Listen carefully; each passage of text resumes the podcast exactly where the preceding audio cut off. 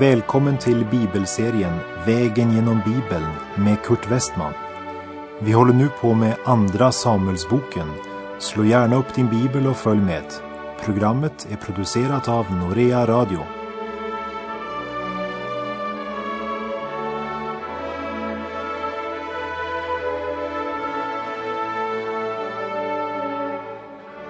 Vi har nu kommit till Andra Samuelsbokens åttonde kapitel.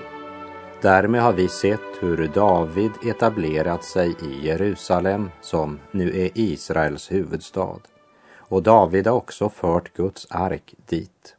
Och han befäster nu Israels rike när han kuvar filisteerna och därmed har han makten över hela området runt Jerusalem.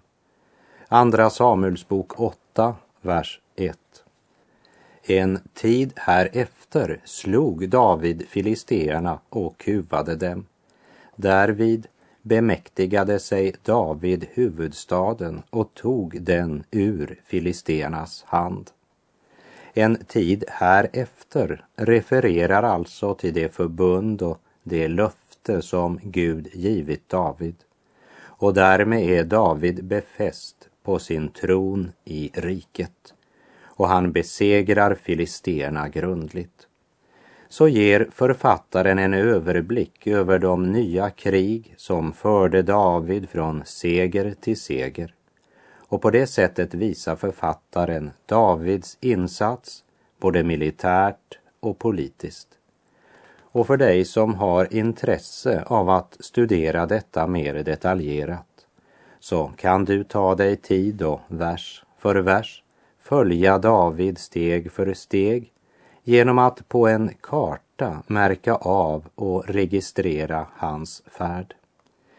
Här vill jag bara nämna verserna 6 och 14 som båda poängterar att det är Gud som står bakom verket. Vers 6. Och David insatte fogdar bland arameerna i Damaskus och arameerna blev David lydaktiga och förde gåvor till honom. Så gav Herren seger åt David var han än drog fram. Och vers 14. Och han insatte fogdar i Edom, i hela Edom insatte han fogdar. Och alla edomer blev David lydaktiga. Så gav Herren seger åt David var han än drog fram. Och David blev uppmärksammad av sitt folk därför att han skipar rätt åt hela sitt folk som det står i vers 15. Skrifternas Jesus kom in i mitt hjärta tog all min oro, förbarmade sig Villigt han bara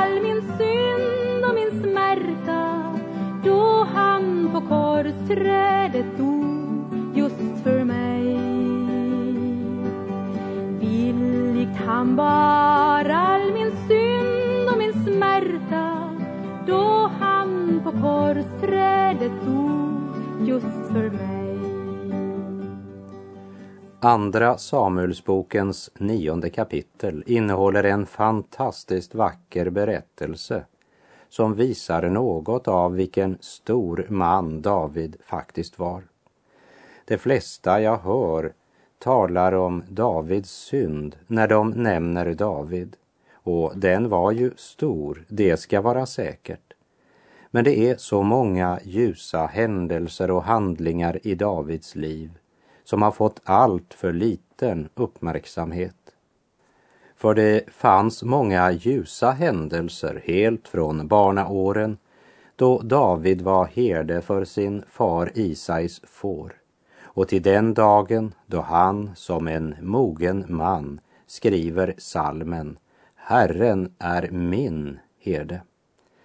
Men när vi nu kommer till det nionde kapitlet i Andra Samuels bok så är det viktigt att komma ihåg de sedvanor som rådde vid denna tid, där det var vanligt att när en ny kung kom till makten så lät han döda alla nära släktingar till den förra kungen för att på det sättet säkra den framtida makten. Därför hade ingen anklagat David om han hade dödat Sauls efterkommande.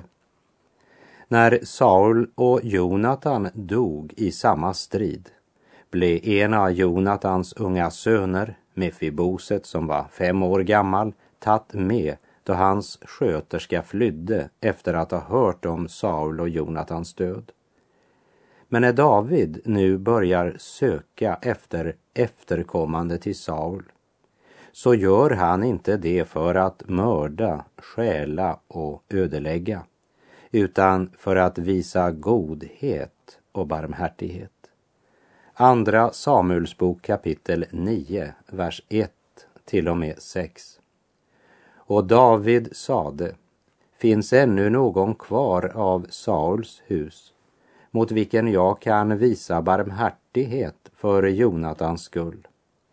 Nu hade Sauls hus haft en tjänare vid namn Siba. Honom hämtade man till David. Då sade kungen till honom, är du Siba? Han svarade, ja, din tjänare. Kungen frågade, finns ingen kvar av Sauls hus mot vilken jag kan visa barmhärtighet så som Gud är barmhärtig? Siba svarade kungen, ännu finns kvar en son till Jonatan, en som är ofärdig i fötterna. Kungen frågade honom, var är han? Siba svarade kungen, han är nu i Makirs, Amiels sons hus i Lodebar. Då sände kung David och lät hämta honom från Makirs, Amiels sons hus i Lodebar. När så Mefiboset, Sauls son, Jonatans son, kom in till David föll han ned på sitt ansikte och bugade sig. Då sade David, Mefiboset, han svarade, ja, din tjänare hör. Mefibosets liv har varit hårt och svårt från början. Och fem år gammal mister han far och farfar på samma dag. Han får dessutom en skada som gör honom till krympling. Och han håller sig gömd av fruktan för sitt liv. Han har eh, säkert mer än en gång känt sig glömt av Gud. Och så nu har en av Sauls tjänare alltså avslöjat Mefibosets gömställe. När han hämtas för att föras inför den nya makthavaren som han inte kände så räknade nog Mefiboset med att allt hopp var ute. Hans ångest inför detta möte är helt naturligt. Han faller ner på sitt ansikte och förväntar att bli avrättad. Men istället talar David vänligt till honom och lägg märke till att han kallar honom vid namn. Då sade David Mefiboset. Här kan jag inte annat än tänka på profetorden i Jesaja 45, vers 3 och jag ska ge dig dolda skatter och bortgömda rikedomar för att du må veta att jag, Herren, är den som har kallat dig vid ditt namn. Jag är Israels Gud. Då sade David Mefiboset. Han svarade, ja, din tjänare hör. Och vi läser vers 7. Då sade David till honom, frukta inte, ty jag vill visa barmhärtighet mot dig för din fader Jonatans skull. Och jag vill ge dig alla din fader Sauls jordagods tillbaka, och du ska ständigt äta vid mitt bord. Det är som om David säger, du sårade och hårt prövade man, jag har inte kallat dig hit för att ge dig flera slag. Jag har kallat dig för att återupprätta dig och för att erbjuda dig en fast plats vid kungens bord. Han behandlar honom som sin egen son. Vers 8. Då bugade han sig och sade, vad är jag din tjänare eftersom du vänder dig till en sådan död hund som jag är? Lägg märke till hur Mefiboset reagerar på erbjudandet. Hade det varit en annan kung på Israels tron så hade Mefiboset blivit mördad. Och då hade vi läst en helt annan historia än den vi här läser. Och det vet Mefiboset. Mefiboset räknar sig själv inte bara som en hund, men som en död hund. Men det är inte så David ser på honom. David säger, du är ingen hund, du är Mefiboset, Jonatans son. Och mina framtidstankar för dig är att visa dig barmhärtighet.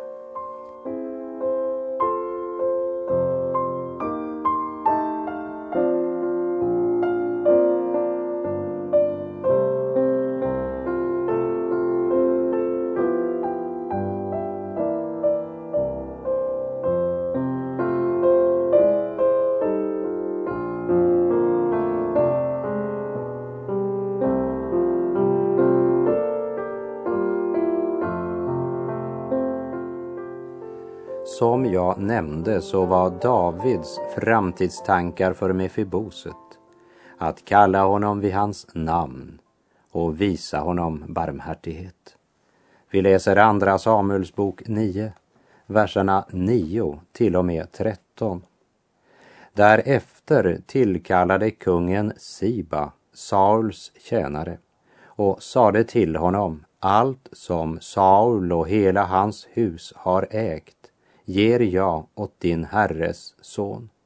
Och du med dina söner och dina tjänare ska bruka jorden åt honom och inbärga skörden, för att din herres son må ha bröd att äta. Dock ska Mefiboset, din herres son, ständigt äta vid mitt bord. Siba hade nämligen femton söner och tjugo tjänare. Då sade Siba till kungen, din tjänare skall i alla avseenden göra som min herre kungen befaller sin tjänare. Ja, svarade han, Mefiboset skall äta vid mitt bord, som om han var en av kungens söner. Mefiboset hade en liten son som hette Mika och alla som bodde i Sibas hus blev Mefibosets tjänare. Själv bodde Mefiboset i Jerusalem eftersom han ständigt skulle äta vid kungens bord och han var halt på båda fötterna. Det är underbart att läsa om hur David behandlar Mefiboset.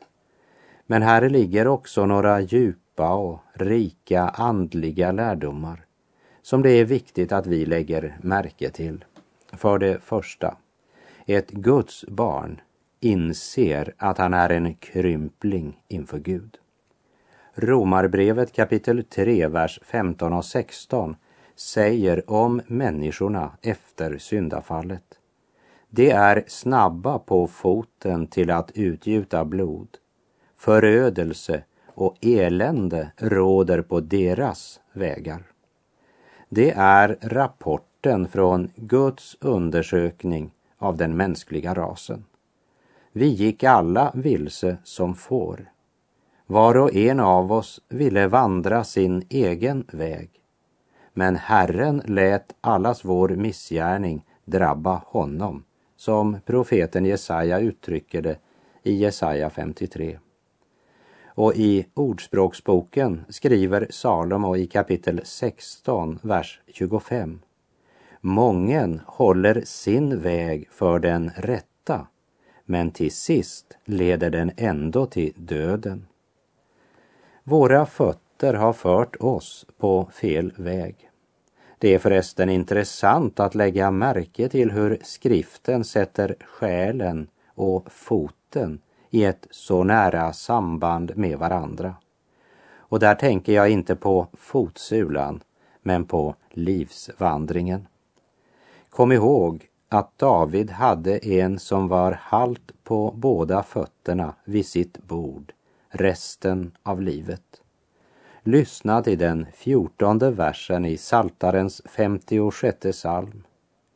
Ty du har räddat min själ från döden, ja, mina fötter från fall, så att jag kan vandra inför Gud i det levandes ljus. Och i den 116 saltarsalmen säger salmisten i vers 8. Ja, du har räddat min själ från döden, mitt öga från tårar, min fot från fall. När det gäller livets vandring så är vi alla halta på båda fötterna inför den levande Gud som ser allt. Även om eh, humanismen och modern filosofi försöker ge en helt annan bild av människan och säger antingen att människan är en blandning av ont och gott eller också säger man att människan är innerst inne god. Men jag har ännu inte mött någon som gett en god definition på vad innerst inne egentligen är för något. Men med ett sådant tal krymper man livets stora fråga genom att säga att vad människans problem egentligen handlar om det är att bli fri ifrån en dålig självbild. Därmed glömmer man att människans huvudproblem är hennes synd och hennes dödsskuld inför Gud och att hjärtat är ont. Om människohjärtat säger Gud genom profeten Jeremia kapitel 17 och vers 9. Ett falskt och fördärvat ting är hjärtat framför allt annat. Vem kan förstå det? Syndafallets skada har trängt djupt i människohjärtat. Du kan inte vänta dig något gott från din mänskliga natur. Paulus säger i Romarbrevet 7.18 Jag vet att det inte bor något gott i mig. Det vill säga i min kötsliga natur. Viljan finns hos mig, men att göra det goda förmår jag inte. Paulus hade ingen tro på köttet. Lagen fördömer honom som han säger i Romarbrevet 3, vers 20. Ty ingen människa förklaras rättfärdig inför honom genom laggärningar. Genom lagen ges insikt om synd.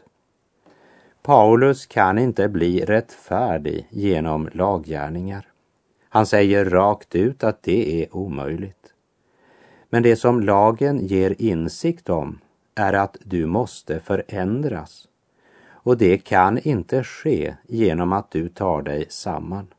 Du kan inte förändra dig själv. Lagen kan inte ge dig ett nytt hjärta. Lagen kan bara ge dig insikt om din synd.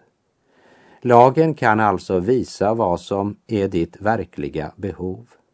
Lagen är en spegel som visar dig sanningen att du är smutsig.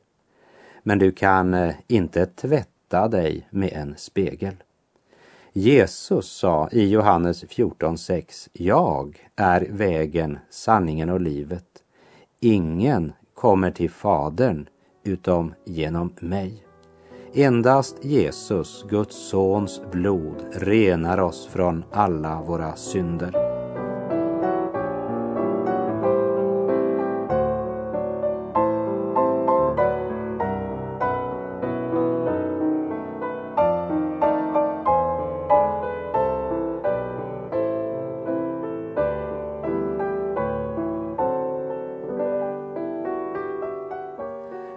Andra vi ska ge akt på i samband med David och Mefiboset är att David visade barmhärtighet mot Mefiboset för Jonatans skull.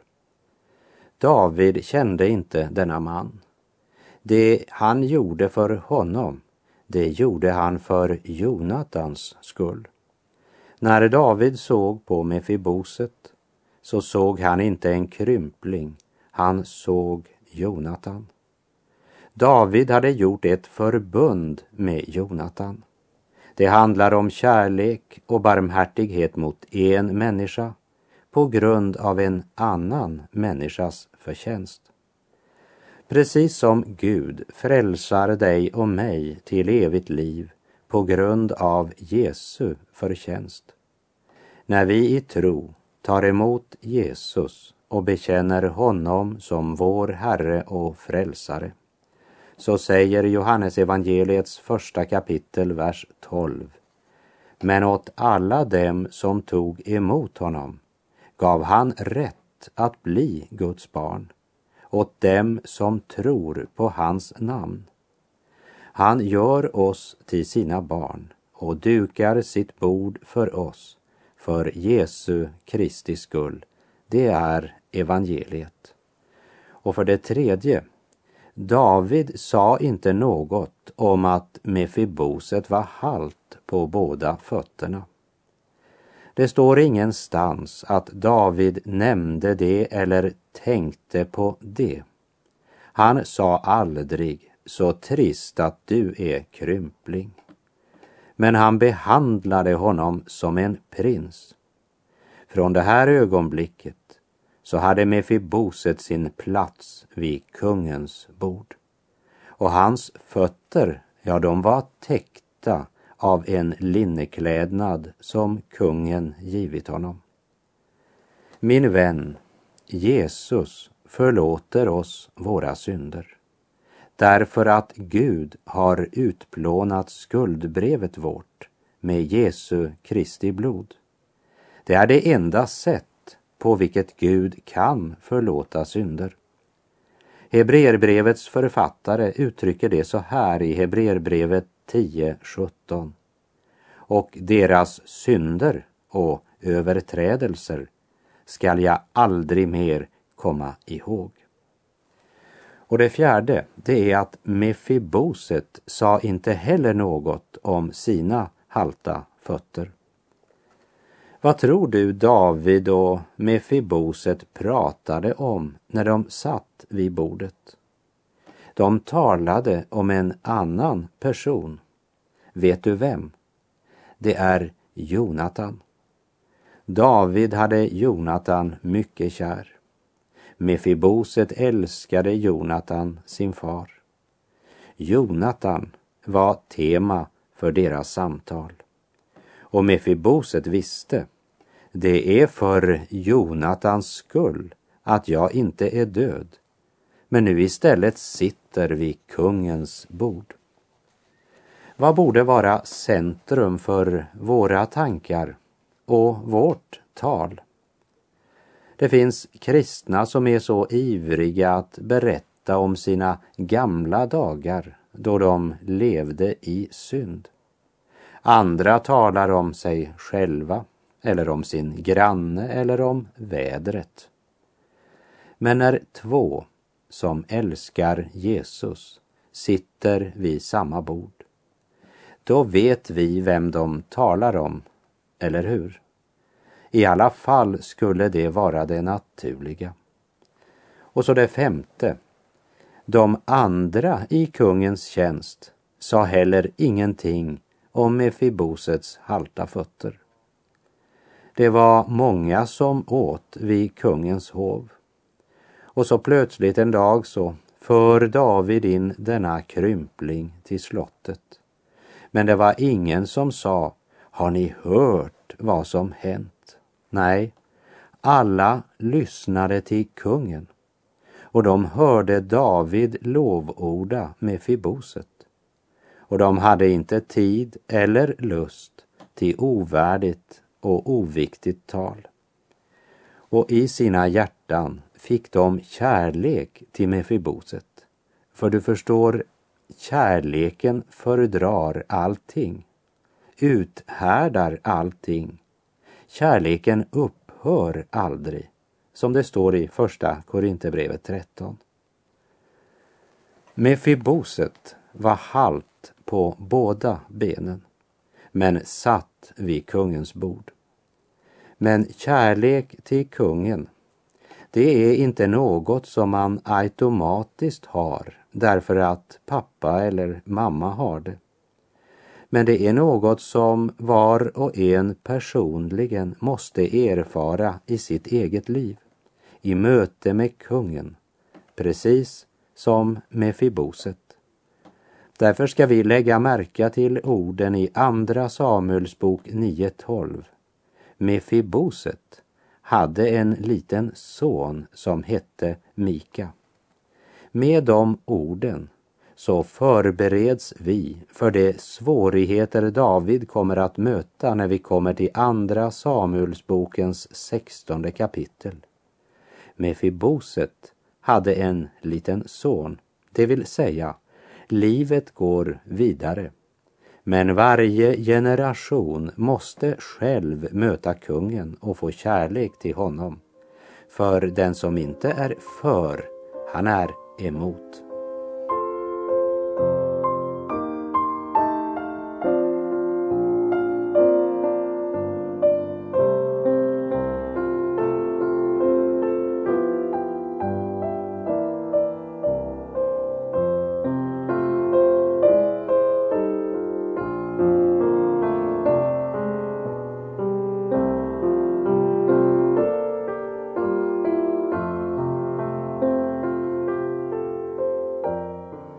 Vi repeterar till sist.